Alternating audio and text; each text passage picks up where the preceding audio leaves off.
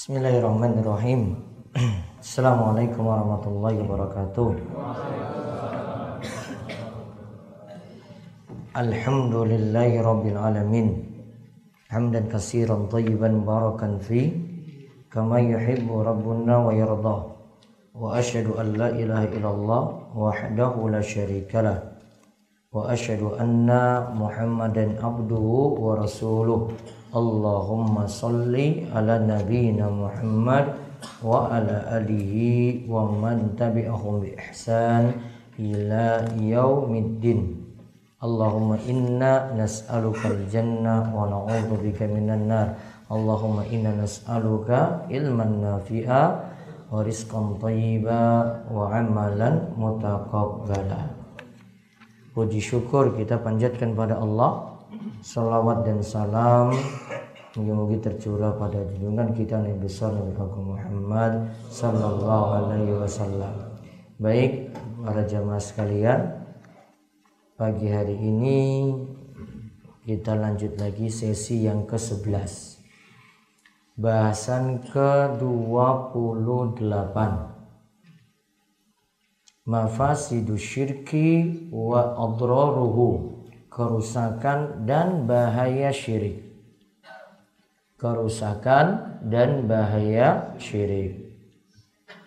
Baik, kita akan lihat setelah beliau menerangkan rincian-rincian mengenai syirik, contoh-contohnya. Kali ini dijelaskan bahaya-bahaya syirik tersebut. Monggo dibaca. Kerusakan dan bahaya syirik. Perbuatan syirik menyebabkan banyak kerusakan dan bahaya, baik dalam kehidupan pribadi maupun masyarakat. Adapun kerusakan dan bahaya yang menonjol ialah satu, Syirik merendahkan martabat manusia. Syirik menghinakan kemuliaan manusia, menurunkan derajat dan martabatnya. Mengapa bisa begitu? Allah telah menjadikan manusia sebagai khalifah di bumi, telah memuliakan mereka, telah mengajarkan pengetahuan tentang alam ini, dan telah menjadikan semua yang ada di langit maupun di bumi tunduk kepada mereka. Pendek kata, Allah telah menjadikan manusia sebagai penguasa di jagat ini. Akan tetapi, mereka lupa atau tidak tahu akan hakikat kemuliaan dirinya. Mereka lalu menjadikan sebagian dari makhluk Allah sebagai Tuhan dan sesembahan. Mereka tunduk dan menghinakan diri di hadapan makhluk tadi. Berbagai bentuk kehinaan manusia itu sampai hari ini masih bisa kita saksikan Ratusan juta orang-orang Hindu di India menyembah sapi-sapi yang Allah ciptakan untuk membantu meringankan pekerjaan mereka atau untuk disembeli untuk dimakan dagingnya. Contoh lainnya, sebagian dari umat Islam rela menginap di kuburan untuk meminta berbagai kebutuhan mereka. Padahal orang-orang yang ada di dalam kubur itu adalah makhluk Allah, juga seperti mereka, apalagi sudah meninggal, sehingga jelas-jelas tidak akan mampu memberikan kemanfaatan sedikit pun maupun mencegah terjadinya mara bahaya. Al Husain misalnya, dia tidak mampu menyelamatkan dirinya sendiri dari pembunuhan. Lalu, bagaimana mungkin dia mampu mencegah bahaya agar tidak menimpa atau mendatangkan manfaat untuk orang lain? Sebenarnya, justru orang yang telah meninggallah yang membutuhkan doa dari orang-orang yang masih hidup. Jadi, kitalah yang mendoakan mereka, bukan malah kita yang berdoa dan memohon kepada mereka, lalu menjadikan mereka sesembahan selain Allah. Allah berfirman, dan sesembahan-sesembahan selain Allah yang mereka seru itu sebenarnya tidak mampu membuat sesuatu pun. Bahkan mereka sendirilah yang dibuat oleh orang. Sesembahan-sesembahan itu hanyalah benda mati, sama sekali tidak hidup. Dan berhala-berhala itu tidak mengetahui kapan para penyembahnya itu akan dibangkitkan. Quran Surat An-Nahl ayat 20-21 Allah berfirman, Barang siapa mempersekutukan Allah dengan sesuatu, seseakan-akan dia jatuh dari langit, lalu disambar oleh burung, atau diterbangkan oleh angin ke tempat yang jauh. Quran surat Al-Hajj ayat 31. Nah, lihat disebutkan di sini bahaya syirik yang pertama merendahkan martabat manusia. Kenapa demikian? Coba lihat contohnya tadi. Orang-orang yang ada di India menyembah apa? Sapi. Padahal Allah ciptakan untuk membantu meringankan pekerjaan mereka atau untuk disembeli kemudian dagingnya itu dimakan malah disembah. Rendahkan manusia berarti. Contoh lagi, nginap di kuburan. Ngapain? Nyepi. Di sini meminta berbagai kebutuhan mereka. Barangkali ada wangsit nantinya turun di situ. Kalau dulu-dulu itu mungkin nomor tunggu nomor keluar. Nah, iya kan? Tunggu di kuburan. Contoh misalnya nginap di kuburannya Hussein. Ya, Hussein yang diagung, diagung-agungkan oleh orang Syiah dia tidak mampu menyelamatkan dirinya. Wah Husain aja mati. Iya kan? Husain aja seperti itu, meninggal dunia. Dia aja tidak bisa menyelamatkan dirinya dari pembunuhan. Bagaimana menyelamatkan orang lain yang kena musibah? Kan jadi turunkan derajat manusia, nggak bisa berpikir lagi ketika itu. Dan beliau tekankan di sini, lihat poin pentingnya ya. Justru orang yang telah meninggal dunia itu yang butuh doa. Itu diingat baik-baik. Orang yang ada dalam kubur itu yang butuh doa. Bukan kita yang minta doa pada orang yang telah meninggal dunia. Justru malah rendahkan kita kalau kita minta padanya. Orang yang telah meninggal dunia tadi butuh doa-doa kita. Ada yang ngirim doa padanya, nyampe padanya manfaat untuk dia. Biar semakin meringankan kalau dia orang yang fasik, orang yang banyak maksiat, siksa kuburnya jadi diperingan ketika itu. Berarti butuh akan doa-doa kita. Bukan kita yang minta doa padanya. Yang ada kan Orang-orang itu minta doa pada penghuni kubur, orang-orang soleh di situ. Justru mereka itu yang nantinya butuh doa-doa kita supaya dapat nikmat kubur, supaya dapat selamat dari siksa kubur. Justru seperti itu. Nah, di sini Allah katakan, "Walladzina yad'una min dunillahi la yakhluquna syai'aw wa hum yukhlaqun." Mereka yang diseru selain Allah tidak bisa menciptakan apa pun. Tidak bisa menciptakan apa pun. Wahum yukhlakun. Bahkan mereka yang disembah ini itulah yang diciptakan. Gak bisa nggak bisa kemarin apa? Menciptakan apa kemarin? Lalat gak bisa. Ngusir lalat saja gak bisa.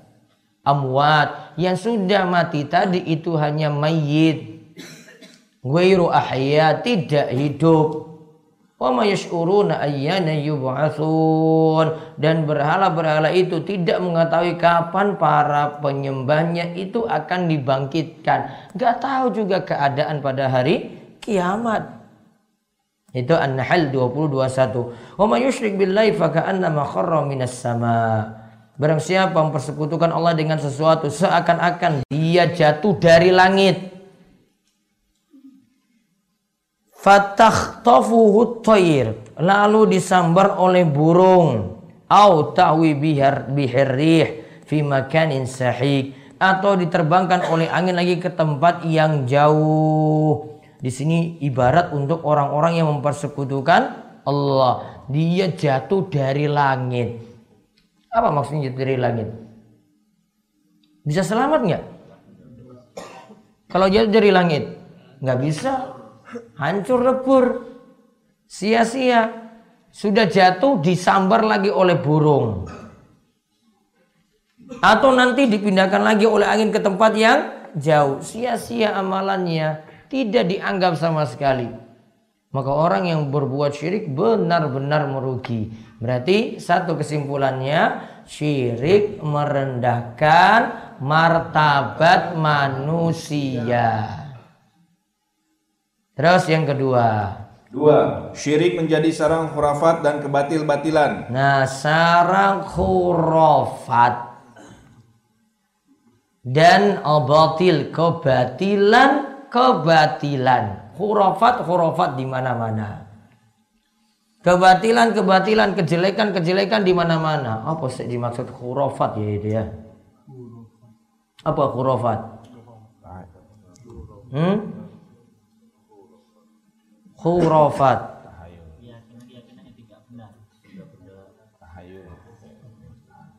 Ada kan istilah tahayul, bid'ah, khurafat.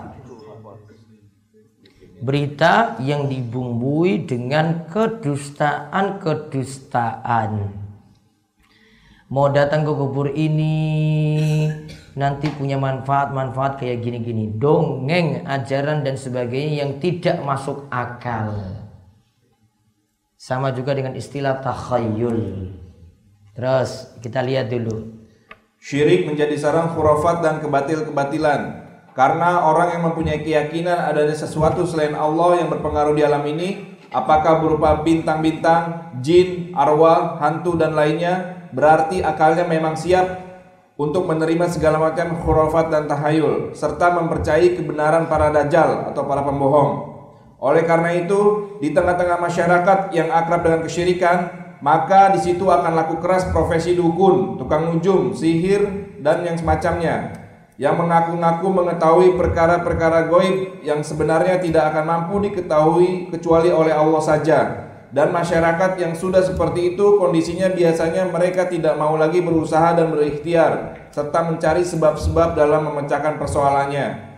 Nah, di situ nanti akan muncul para dukun, tukang ramal, ahli sihir. Akhirnya orang sudah malas lagi berikhtiar. Sudah dompet hilang, datangi Pak Dukun. Mau tentukan hari baik, datangi orang yang bisa hitung hari. Kalau keyakinan khurafatnya lewat di pohon itu harus gini gini gini gini. Kalau enggak kamu nanti kena sesuatu. Harus klakson dulu, pamit-pamit dulu, nyalakan lampu dulu walaupun di siang bolong. Ada kalimat-kalimat tertentu. Cerita-cerita khurafat dibuat-buat. Akhirnya nanti bisa ujung-ujungnya ke bisnis juga. Oh kamu biar selamat pakai jimat ini, jimat ini, jimat ini. Oh kamu biar cepat dapat jodoh pakai jimat ini, jimat ini, jimat ini. Ujung-ujungnya apa coba? Bisnis. Oh kamu biar dapat berkah pakai pecis semacam ini, semacam ini. Pecis apa?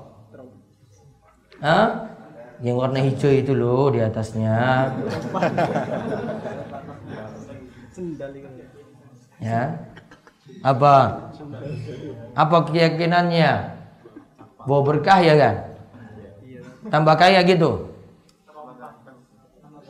Ya pokoknya ada lah ya, ada anu pokoknya di situ.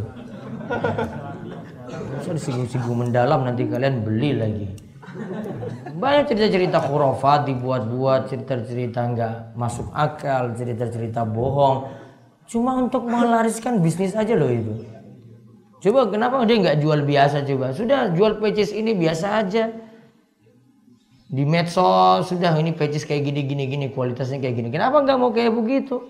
Kenapa dibumbui dengan macam-macam coba? Berarti ujung-ujungnya apa? Bisnis. Ujung-ujungnya urusan perut. Kita beda karena beda pendapatan.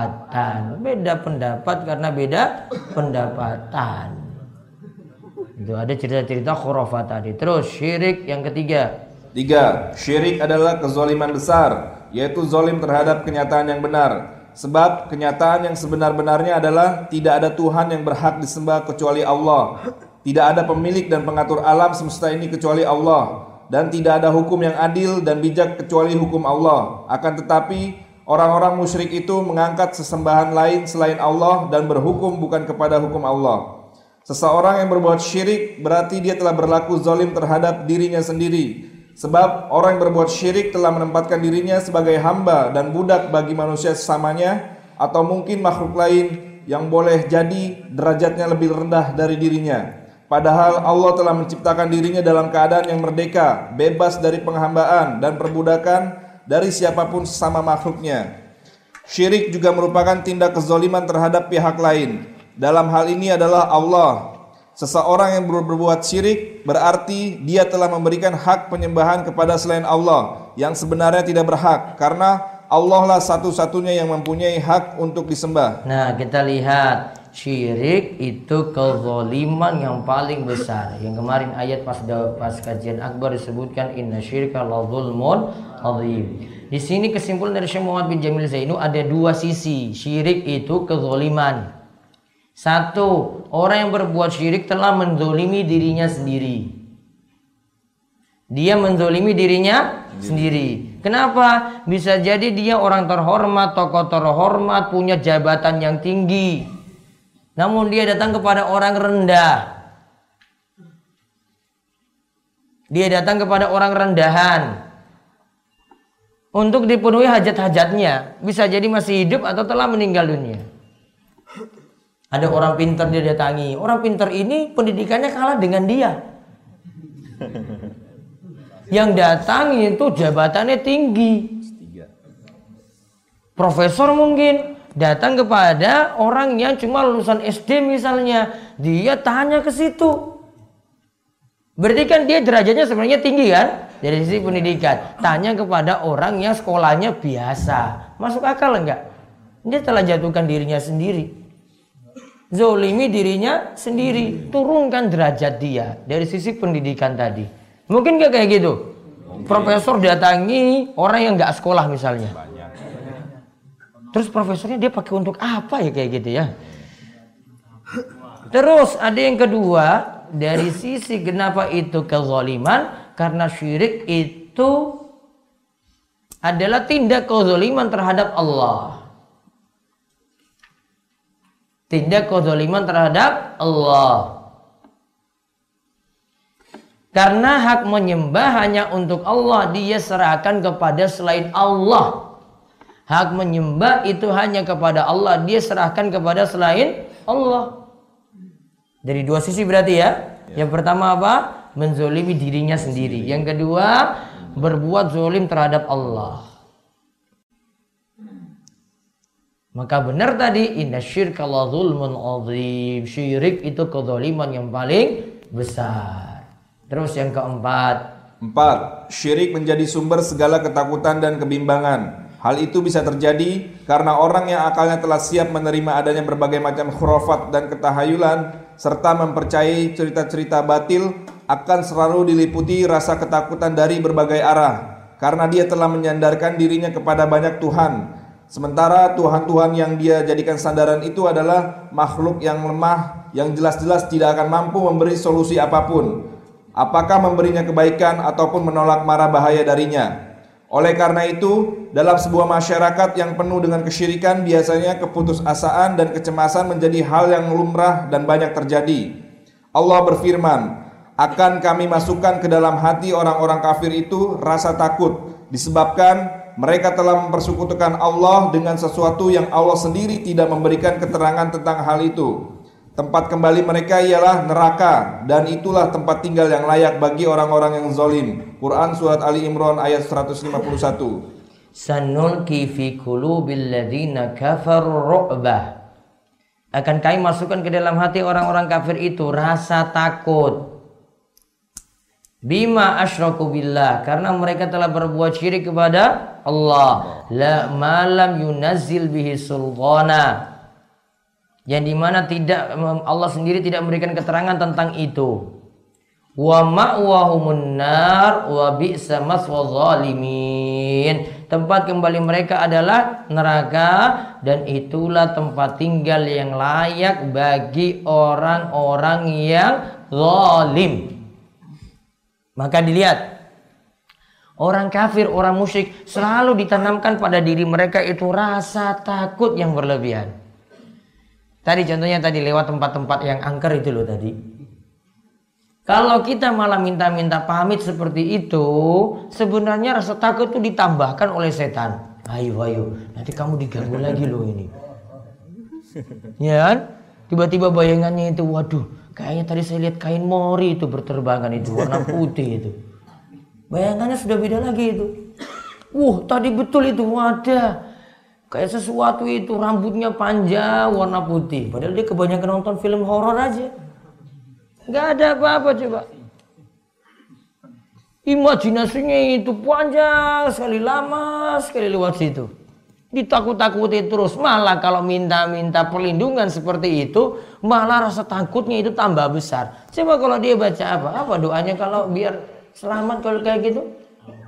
A'udzubika A'udzubika kalimatillahi tammati min syarri ma khalaq. Itu kalau lewat tem tempat yang belum pernah disinggahi, maka baca auzubi kalimatillahi tammati min syarri ma khalaq. Ya Allah, aku minta aku minta perlindungan dengan kalimatmu yang sempurna.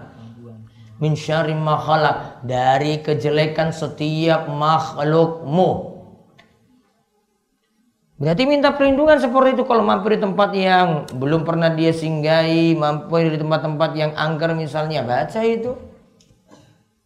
Terus kita lihat lagi, selain tadi berarti menimbulkan rasa takut ya dan kebimbangan. Berarti solusinya biar rasa takutnya, was-wasnya, kebimbangannya hilang. Solusinya apa? Baca doa bertauhid. Tawakal penuh kepada Allah. Bukan kepada tempat tadi bukan kepada takutnya kepada hantu tadi. Dan seterusnya. Yang kelima. Lima syirik membuat orang malas berusaha. Nah orang berbuat syirik itu malas kerja. Malas usaha. Bergantung pada sesuatu yang ini tidak ada buktinya kalau bisa memberikan manfaat atau menolak mudarat. Kita lihat apa dimaksud oleh Syimad bin Jamil Zainu. Hal itu dikarenakan syirik membuat para pelakunya memasrahkan dan menyadarkan dirinya kepada para maklar yang dipercaya membereskan urusannya sehingga mereka pun meninggalkan usaha-usaha yang perlu dilakukan malah dia akan asik bergeliman dengan perbuatan dosa karena mereka pun berkeyakinan bahwa para maklarnya itu akan memberinya pertolongan dan pembelaan di hadapan Allah. Inilah yang menjadi keyakinan orang-orang Arab jahiliyah sebelum kedatangan Islam. Allah berfirman menerangkan sikap perilaku mereka dan mereka menyembah Tuhan-Tuhan selain Allah yang sebenarnya tidak mampu sedikit pun menolak mara bahaya dari mereka maupun memberi kemanfaatan. Mereka berkata, mereka inilah para penolong dan pembela kami di hadapan Allah. Katakanlah, Apakah kamu akan mengabarkan kepada Allah sesuatu yang tidak dia ketahui baik di langit maupun di bumi? Maha suci Allah dan maha tinggi Allah dari segala apa yang mereka persekutukan itu. Quran surat Yunus ayat 100, ayat 18. Orang-orang Nasrani Orang-orang Nasrani yang banyak melakukan perbuatan dosa itu beranggapan bahwa perbuatan dosanya itu telah terhapus dengan disalibnya Al-Masih. Itu menurut anggapan batil mereka. Banyak juga kaum muslimin yang meninggalkan kewajiban mereka sebagai seorang muslim dan melakukan perbuatan dosa lantaran mengandalkan syafaat Rasulullah sallallahu alaihi wasallam untuk bisa masuk surga. Padahal Rasulullah sallallahu alaihi wasallam sendiri kepada anak putrinya berkata, "Wahai Fatimah binti Muhammad, mintalah harta kepadaku sesukamu, tetapi Aku tidak akan bermanfaat sedikit pun untuk memberimu syafaat di hadapan Allah. Hadis ini diriwayatkan oleh Al-Bukhari. Nah, lihat. Ada situ istilahnya perantara atau di sini dibahasakan dengan maklar. Orang yang berbuat syirik itu nggak mau minta langsung pada Allah. Namun lewat perantara-perantara orang yang telah meninggal dunia, yang telah mati itu dijadikan perantara wasaid dijadikan sebagai perantara. Tadi bahasanya maklar itu artinya perantara. Supaya doa-doanya ini disampaikan kepada Allah. Mereka nggak mau minta langsung pada Allah. Mereka nggak mau minta langsung kepada Allah. Karena apa? Wah, nganggap dirinya saya itu penuh dosa. Ini kan orang soleh, pasti lebih didengar Allah. Padahal nggak kayak gitu. Kita disuruh berdoa itu minta langsung kepada Allah. Allah yang penuhi hajat-hajat kita langsung. Kalau lewat perantara orang yang telah meninggal dunia, dia nggak bisa dengar doa kita. Kalaupun dengar pun dia tidak bisa nyampaikan lagi kepada Allah. Atau kalau minta langsung dia tidak bisa kabulkan. Maka lihat di ayat Yunus 18. Wa ya'buduna min dunillahi ma la yadurruhum wa la yanfa'uhum wa yaquluna syufa'una indallah. Dan mereka menyembah selain Allah yang di situ tidak bisa memberikan mudarat, tidak bisa mendatangkan manfaat dan mereka katakan mereka-mereka tadi itu adalah pemberi syafaat kami di sisi Allah. Apa maksudnya di sini? Kok memberi syafaat? Contoh, beliau dikasih logika yang bagus nih. Coba lihat Nabi Isa, kan diyakini sebagai penebus dosa. Ketika disalib berarti umatnya Nasrani sudah terhapus dosa dosanya.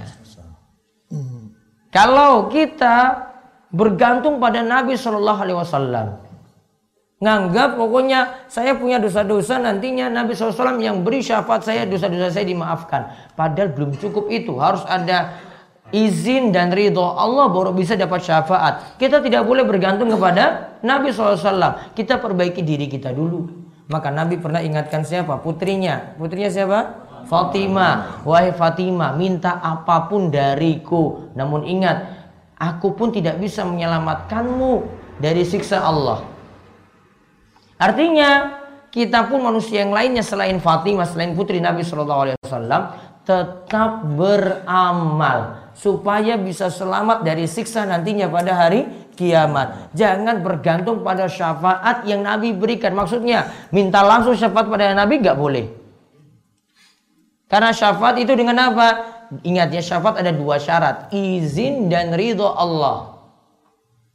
Harus ada izin Allah dulu dan ada ridho Allah. Tanpa ini nggak bisa Bapak Ibu. Nggak bisa para jamaah sekalian.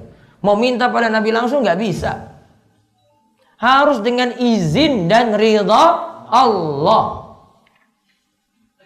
Terus yang keenam. Enam, syirik menyebabkan para pelakunya kekal di neraka. Syirik menyebabkan kesia-siaan dan kehampaan di dunia dan menyebabkan para pelakunya kekal di neraka. Allah berfirman, sesungguhnya orang-orang yang berbuat syirik Allah haramkan mereka masuk surga. Tempat tinggal mereka adalah di neraka dan orang-orang yang zolim itu tidak mempunyai satupun penolong. Quran surat Al-Maidah ayat 72. Rasulullah Shallallahu Alaihi Wasallam bersabda, barang siapa meninggal sedang dia selama hidupnya suka memohon kepada sesembahan lain selain Allah, maka dia akan masuk neraka. Hadis ini diriwayatkan oleh Al Bukhari. Nah lihat, syirik menyebabkan para pelakunya kekal di neraka. Berikan keterangan ini berlaku untuk syirik besar. Ini berlaku untuk syirik apa? Besar. Besar. Kalau syirik kecil disebut syirik namun tidak membuat kekal dalam neraka. Lihat dalilnya. Innahu may yusyrik billah. Siapa saja yang berbuat syirik kepada Allah, faqad harramallahu alaihi jannah. Maka Allah haramkan baginya surga. Wa ma'wahun nar. Tempat kembalinya itu di neraka. Wa zalimin min ansar. Dan tidaklah bagi orang-orang zalim itu seorang penolong pun. Orang-orang zalim di sini artinya apa? Balik ke kalimat berikut sebelumnya, orang-orang yang berbuat syirik. Jadi berikan keterangan. Orang-orang yang zalim di situ adalah orang-orang yang berbuat syirik. Tadi zolimnya itu dalam hal apa? Menzolimi diri sendiri dan berbuat zolim terhadap Allah. Terus lihat Rasulullah SAW bersabda, "Man mata siapa yang meninggal dunia wa huwa yad'u min dan nar." Siapa yang meninggal dunia dalam keadaan menyeru selain Allah sebagai tandingan, maka dia masuk neraka. Berarti mau selamat harus bertobat dari syirik. Terus jimat-jimatnya diapain? Curin dibuang atau dibakar. Terus batu akiknya yang sakti itu diapain? Dihancurkan. Terus keris-kerisnya yang diyakini bisa lindungi diri diapain? Bengkokin, bengkokin, buang, bakar. Dibuat untuk motong bawang. Bisa? Bisa. Oh, sekaratan bi. Bahaya malahan. Ya sudah, pokoknya dialihkan fungsi. Itu tobatnya itu kayak gitu. Kalau sebelum meninggal dunia itu nggak tobat-tobat, ya ini lihat nih ancamannya itu. Nggak tobat-tobat ini lihat ancamannya keras loh itu. Makanya menyelamatkan orang dari syirik itu lebih utama daripada menyelamatkan orang dari hal yang lain. Mati dalam keadaan korupsi, bisa selamat nggak? Masih bisa. Namun nggak bu, kita bukan legalkan korupsi. Wes korupsi saja nggak apa-apa, masih selamat enggak. Namun syirik itu lebih parah. Mati dalam keadaan berbuat syirik. Wah, parah itu. Masih punya tuyul juga gimana? Dia nggak tobat-tobat? Hah? Terus tuyulnya diapain? Gondrongin. Digondrongin ya. Pokoknya tobat dari itu biar tuyulnya kabur kalau punya tuyul itu. Ya, nggak boleh ada masih punya keyakinan kayak gitu terus. Terus kalau masih punya keyakinan ada hari baik, ada hari sial, hitung-hitung dino, apa gimana cara tobatnya? Woi, bapak-bapak simbah. Ngantuk apa piye iki? Oh nggak pernah. Masya Allah. Ahlu tauhid. Terus tobatnya gimana coba? Padahal kemarin sudah dapat gula, batu, teh, rokok. Gimana tobatnya coba? Rokok disyukuri. Ya Allah. dimakan. Tobat pokoknya itu. Gak punya keyakinan kayak gitu lagi. Sudah, berarti tobat ya sebelum apa? Mati. Kalau dosa syiriknya dibawa mati, ha, itu ancamannya tadi itu bahaya sekali. Berarti kalau tahu ada keluarga orang tua seperti itu diingatkan terus loh itu. PR-nya besar loh itu. Jangan langsung bilang wah orang tua saya itu kafir musyrik. Dolala finar itu dia. Tugasmu berat bukan fonis-fonis dulu. Kan masih hidup. Iya kan? Yeah. Tugasmu berat. Waduh orang tua saya ini biar rumah itu dilindungi. Wah dia pasang pasang sesuatu tuh di pojok-pojok rumah itu. Apa itu pasang apa itu? Nah, oh dia pasang sesuatu untuk lindungi pasang di sana pojok sana pojok sana lagi pojok sana pojok sana biar perampok gak bisa masuk katanya. Pasang apa itu? Jimat-jimat tuh dipasang itu di pojok-pojok rumah. Tobat berarti. Kalau bisa dicabut tuh dicabut. Ya, ada yang punya keyakinan kayak gitu. Baru pasang baru dirikan rumah baru terus dia pasang-pasang tadi adalah pelindung rumahnya itu lah tadi. Ada nggak? Wadah. Tobat pokoknya di situ. Kalau enggak ini tadi ancamannya. Apalagi keluarga sendiri didakwahi. PR-nya banyak nggak? Banyak. banyak masyarakatnya didakwahi. Ada tetangganya juga, apalagi tetangganya masih kerabat lagi, didakwahi. PR-nya berat ya? Iya kan? Iya. Ya. Mikir itu di rumah, gimana saya bisa selesaikan kayak gini? Terus nomor tujuh. Tujuh, syirik memecah belah umat. Allah berfirman, dan janganlah kamu termasuk orang-orang yang mempersekutukan Allah yang memecah belah agama mereka dan mereka sendiri berpecah-pecah menjadi beberapa golongan. Masing-masing golongan bangga dengan apa yang ada pada mereka. Quran surat Ar-Rum ayat 31 sampai 32. Kesimpulan, dari pembicaraan di muka jelas bagi kita bahwa syirik adalah kejahatan agung yang harus kita jauhi sejauh-jauhnya. Kita harus bersih dari segala noda kesyirikan. Kita juga harus senantiasa waspada jangan sampai kita terjerumus ke dalamnya karena syirik adalah termasuk dosa besar. Juga karena syirik mampu menghapus pahala amalan baik seseorang meskipun amalan tersebut sebenarnya bermanfaat untuk kepentingan umat manusia. Allah berfirman, "Dan kami hadapi segala amal yang mereka kerjakan, tetapi kami jadikan amal-amal mereka itu bagaikan debu yang bertebangan."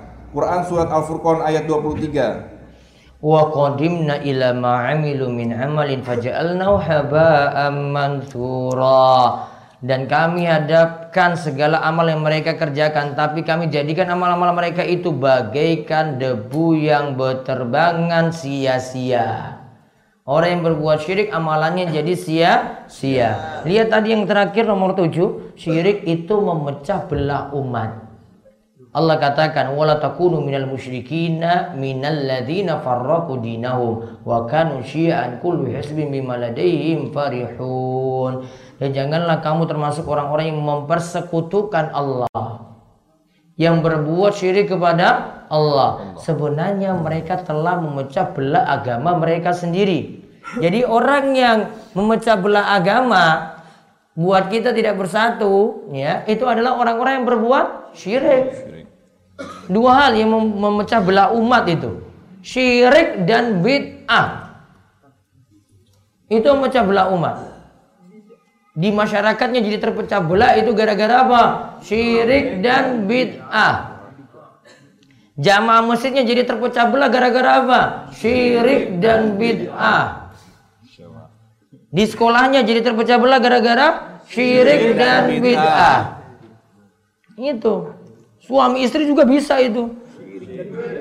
Gara-gara syirik dan bid'ah. Yang satu pendukung sunnah, yang satu pendukung bid'ah.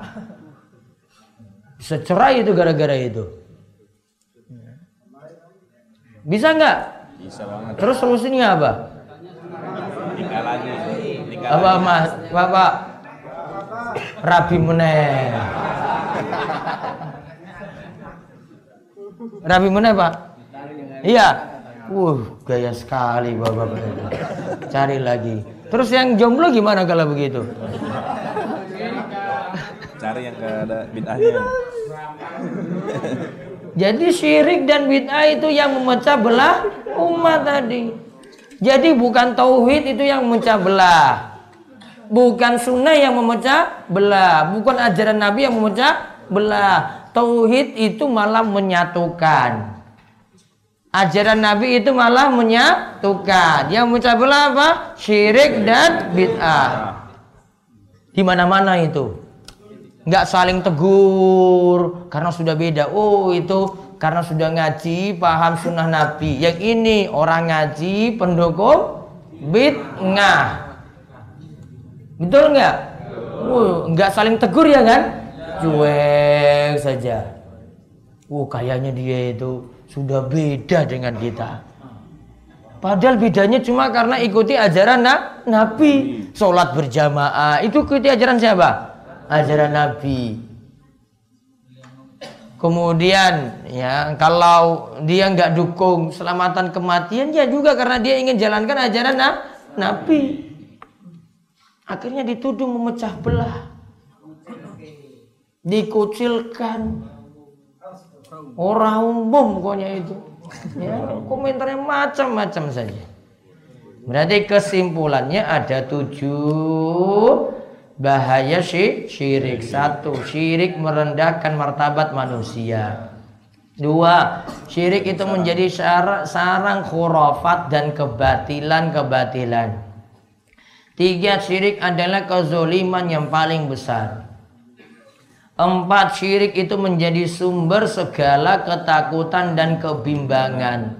Lima, syirik membuat orang malas kerja, malas usaha. Enam, syirik menyebabkan pelakunya kekal di neraka. Kapan kekal di neraka tadi? Berbuat syirik akbar, syirik besar.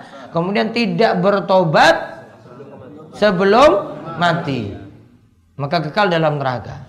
Terus yang ketujuh, syirik memecah belah umat. Allah alam bisawab. Selesai sesi yang ke-11. Sebentar jawab dulu pertanyaan. Habis ini sholat isyrok. Apakah boleh meminta rukiah kepada seorang ustadz? Karena dulu sebelum hijrah sering dengar musik. Setelah hijrah mau hafal Quran kok susah masuknya. Coba perbaiki tobatnya dulu sebelum merukiah, sebelum dirukiah. Karena bisa jadi ya memang belum tobat-tobat. Masuk kamar mandi kepalanya masih goyang-goyang. Masih nendangkan satu album dalam kamar mandi. Masih ingat-ingat itu. Ada bahkan sudah dia sudah sering dengar murotal karena kebiasaannya di dalam kamar mandi itu nyanyi-nyanyi. Dia baca murotal itu di dalam kamar mandi juga. Ya, dari sisi kebiasaannya sudah bagus, namun karena kebiasaan buruknya di kamar mandi itu nyanyi, ya, baca Al-Quran juga dalam kamar mandi. Berarti perbaiki diri dulu lagi, sempurnakan taubat dulu. Bagaimana hukumnya batu nisan atau kayu di kuburan sebagai penanda kuburan? Jika tidak boleh, bagaimana kubur sesuai Islam? Apakah yang sekarang ter, ter dikubur harus dicabut? Ya sudah ada ya sudah tetap ada saja. Jangan cari konflik dengan keluarga dulu. Yang sudah ada kijingnya ya sudah gimana lagi coba? Lagi paham kok. Apa mau dicabut coba? Apa yang terjadi dengan keluarga nanti? Oh berantem saja yang ada. Ini sudah ada yang sudah terlanjur ya gimana lagi? Bagaimana dengan acara nyadran?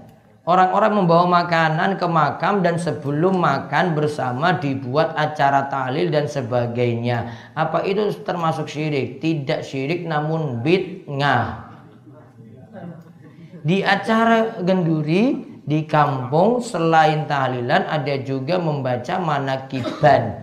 Selain nasi tumpeng dengan ingkung ayam ditambah juga dengan kopi hitam dan jadah bakar dengan ditambah kopi dan jadah bakar apa itu termasuk syirik tadi apa tadi baca di situ yang jelas ujung-ujungnya paling rendahnya itu tidak ada tuntunan Teman saya beranggapan kita yang hidup tidak bisa dikatakan suci karena di dalam tubuh kita menyimpan kotoran. Jadi ibadah kita tidak diterima. Jadi tidak perlu sholat dan ibadah lainnya.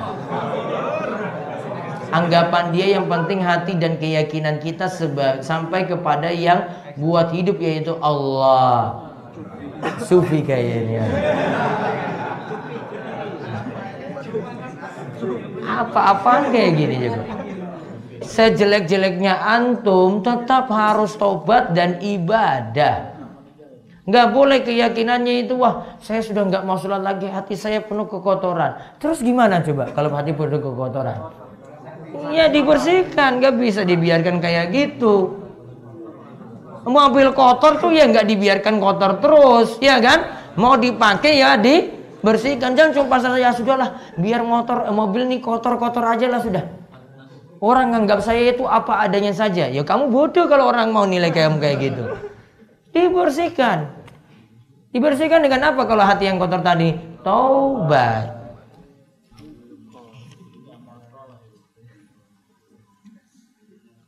Kami di suatu daerah sering merayakan hari-hari besar Islam. Contoh Maulid Nabi Isra Mi'raj tahun baru Hijriah, apakah semua itu termasuk bid'ah?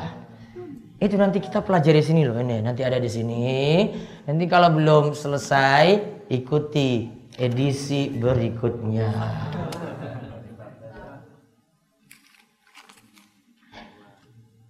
Mendapatkan oleh-oleh air zam-zam dari jamaah haji karena sedikit terus dituang ke sumur dan galon agar banyak. Ya kamu kok nah campur lagi dengan air lain air zam-zam yo air zam-zam. Nggak bisa diencerkan yang lainnya. Diencerkan lagi yo berkahnya yo hilang. Rugi banget ini ngerti air zam-zam dituang di sumur biar sumurnya ada air zam-zam. Wah wes orang logis meneh ini rugi besar air zam-zamnya dia bawa 5 liter coba. Buang ke situ. Ya Allah rugi besar itu ya. Yang jelas gini air zam-zam itu nggak mesti jumlah banyak. Antum minum sedikit aja sudah dapat berkah. Gue mesti banyak-banyak juga nggak mesti Cukup ini sudah dapat. Saya kok cuma dikasih setengah botol saja. Sudah manfaatkan setengah botol ini loh. Air zam-zam tergantung orang yang niatan orang yang minum. Sudah minta apa pun setelah minum air zam-zam tadi dengan izin Allah nanti akan terkabul. Itu itu namanya perantara untuk berdoa. Boleh. Kenapa boleh? Wah ada dalilnya. Jangan dituang lagi. Teman anak kena syubhat khawarij. Bilang orang yang tidak mengkafirkan orang-orang kafir dan musyrik maka ia menjadi kafir. Wong kamu nuduh orang saja itu kafir atau bukan saya kamu nggak jelas. Kecuali yang jelas kafir itu loh. Ini ada orang kafir. Terus kamu nggak katakan itu kafir. Oh enggak, dia itu masih ada kemungkinan beriman atau kafir. Masih ada surganya juga. Masih ada peluang masuk surga. Oh, berarti nggak punya keyakinan. Ini baru masuk kaidah ini. Siapa yang tidak mengkafirkan orang kafir maka dia kafir. Itu. Kalau sudah jelas kafirnya. Ustadz mengapa orang yang berbuat syirik selalu dikabulkan keinginannya Semisal orang yang minta bantuan ke dukun untuk mencari jodoh lewat pelet dan lainnya akan mendapatkan targetnya. Apakah termasuk istidroj? Itu istidroj jebakan yang membuat orang terlena, terlena terus dalam kesyirikan. Dia nganggap benar terus loh. Pas nanti anggapannya, wah saya berdoa ke kubur situ, masya Allah doa saya itu terkabur luar biasa. Kalau kamu nggak percaya, datangi sendiri. Dia pengaruhi dirinya sendiri, pengaruhi orang lain. Dirinya dimotivasi. Benar berarti ini ya keyakinan saya. Ajak yang lainnya lagi. Itu namanya istidraj. Istidraj itu apa? Terkabulnya doa padahal dia lagi berbuat syirik atau berbuat maksiat.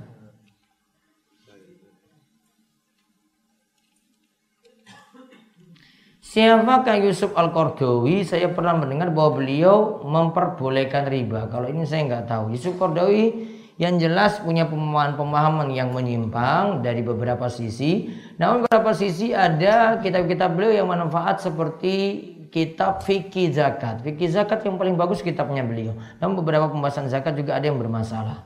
Namun paling lengkap ya fikih beliau. Seperti apa sifat ringkas sholat qobliyah subuh Rasulullah SAW? Seringkas apa sholat beliau? Beliau baca Al-Fatihah terus Al-Kafirun. Rakaat kedua Al-Fatihah, Al-Ikhlas. Itu ringkasnya. Bagaimana cara mengingatkan teman kita yang melambai yang atau agak benci? Oh, melambai, agak banci. Mau nasihat dan doanya Ustadz Suruh dia bergaul dengan yang tidak gayanya melambai-lambai yang gagah gitu. Masalah lingkungan pengaruh. Yang kedua, suruh ngaji biar ketemu laki-laki semua. Kalau sini kan garing melambai-lambai kan? Ketemu laki-laki semuanya. Harus gentle loh. Terus yang ketiga, belum nikah, nikah. Ustadz bagaimana tanggapan kita terhadap orang yang mengatakan gak apa-apa masuk neraka dulu yang penting ujinya masuk surga. Ya sudah karena mau masuk neraka dulu. Saya nggak mau. Saya mau masuk surga langsung. Kamu kok mikirnya kayak gitu itu loh? Oh masuk neraka sudah itu pilihanmu ya. Saya mau masuk surga. Bilang aja dia kayak gitu. Kau mampir neraka dikira gampang gitu masuk neraka itu ya. Dikira bisa selamat dengan mudah begitu Syirikah orang yang mengatakan Masya Allah dan Rasulnya yang tahu? Hanya Allah bukan Masya Allah. Hanya Allah dan Rasulnya yang tahu. Tidak syirik di sini. Ini ilmu disandarkan pada Allah dan Rasulnya. Ini ada kalimat Allah Wallahu wa rasuluhu a'lam. Karena ada kalimat ini boleh. Itu bukan bukan maksudnya uh, mensejajarkan Allah dengan makhluk bukan Mendoakan orang yang telah meninggal yang bukan orang tua kita. Mengingat amalan yang tidak terputus adalah doa anak soleh. Apakah doa kita diterima jika mendoakan orang yang telah meninggal yang bukan orang tua kita? Doa siapa pun manfaat untuk orang yang telah meninggal dunia. Lebih-lebih lagi pada orang tuanya sendiri. Ibu saya selalu menyuruh saya menyimpan uang di dalam plastik. Katanya supaya tuyul tidak bisa mengambil uangnya. Katanya tuyul apa bisa mengambil uang di dalam plastik? Apa termasuk syirik? Syirik kalau kamu yakini kayak begini. Apa pengaruhnya coba? Pakai plastik nanti tuyul nggak bisa. Yang pertama sudah punya keyakinan pada tuyul yang nggak benar. Yang kedua suuzon pada tuyul. Yang ketiga dia nganggap sesuatu yang ini nggak nggak ada ajarannya sebenarnya kok plastik? Plastiknya warna apa lagi coba? Nah, kan mesti tanya sama tuyul juga kan? Nah, plastiknya sama apa tuyul itu takut? Warna apa coba? Ujung-ujungnya serba semuanya nggak jelas. Apa saja dosa yang membatalkan keislaman selain berbuat syirik akbar? Mencela Nabi SAW itu pembatal keislaman. Ada juga menganggap hukum selain Allah itu lebih afdol daripada hukum Allah, lebih baik daripada hukum Allah. Itu juga kekufuran yang itu membatalkan Islam pula. Lihat di pembahasan Syekh Muhammad bin Abdul Wahab tentang pembatal-pembatal keislaman. Bisa cari di internet. Apa maksud perkataan Ibnu Qayyim tentang fitnah syubhat dan syahwat? Syubhat itu bahaya pemikiran. Pemikiran-pemikiran eh, sesat itu namanya syubhat. Kalau syahwat itu hawa nafsu. Ya, itu hawa nafsu yang mengantarkan pada maksiat. Itu namanya syahwat. Jadi syubhat itu pemikirannya, syahwat itu hawa nafsunya. Apa itu kita berjanji? Apa Pak? Berjanji dibaca kapan? Berjanji.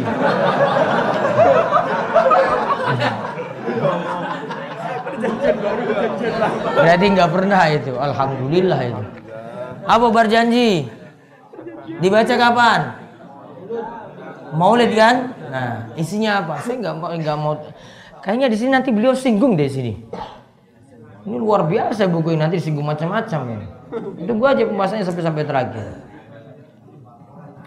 Apa hukum belajar agama otodidak? Jikalau dilarang, bagaimana dengan orang yang membaca terjemahan kitab-kitab ulama? Belajar tetap dengan panduan seorang guru. Nggak baca kitab-kitab itu langsung dengan pemahaman sendiri. Dan ujung-ujungnya nanti ke pemahaman penerjemah. Coba kalau penerjemahnya khawarij coba. Kamu jadi khawarij loh di situ.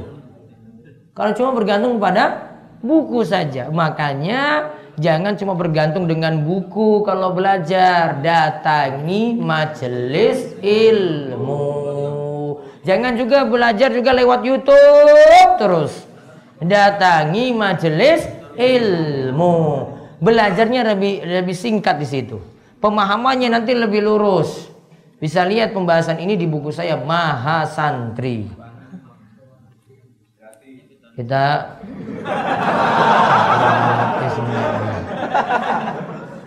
kita sholat isyraq dulu, istirahat ya 10 menit terus lanjut lagi nanti sampai jam 7. Ayo ya.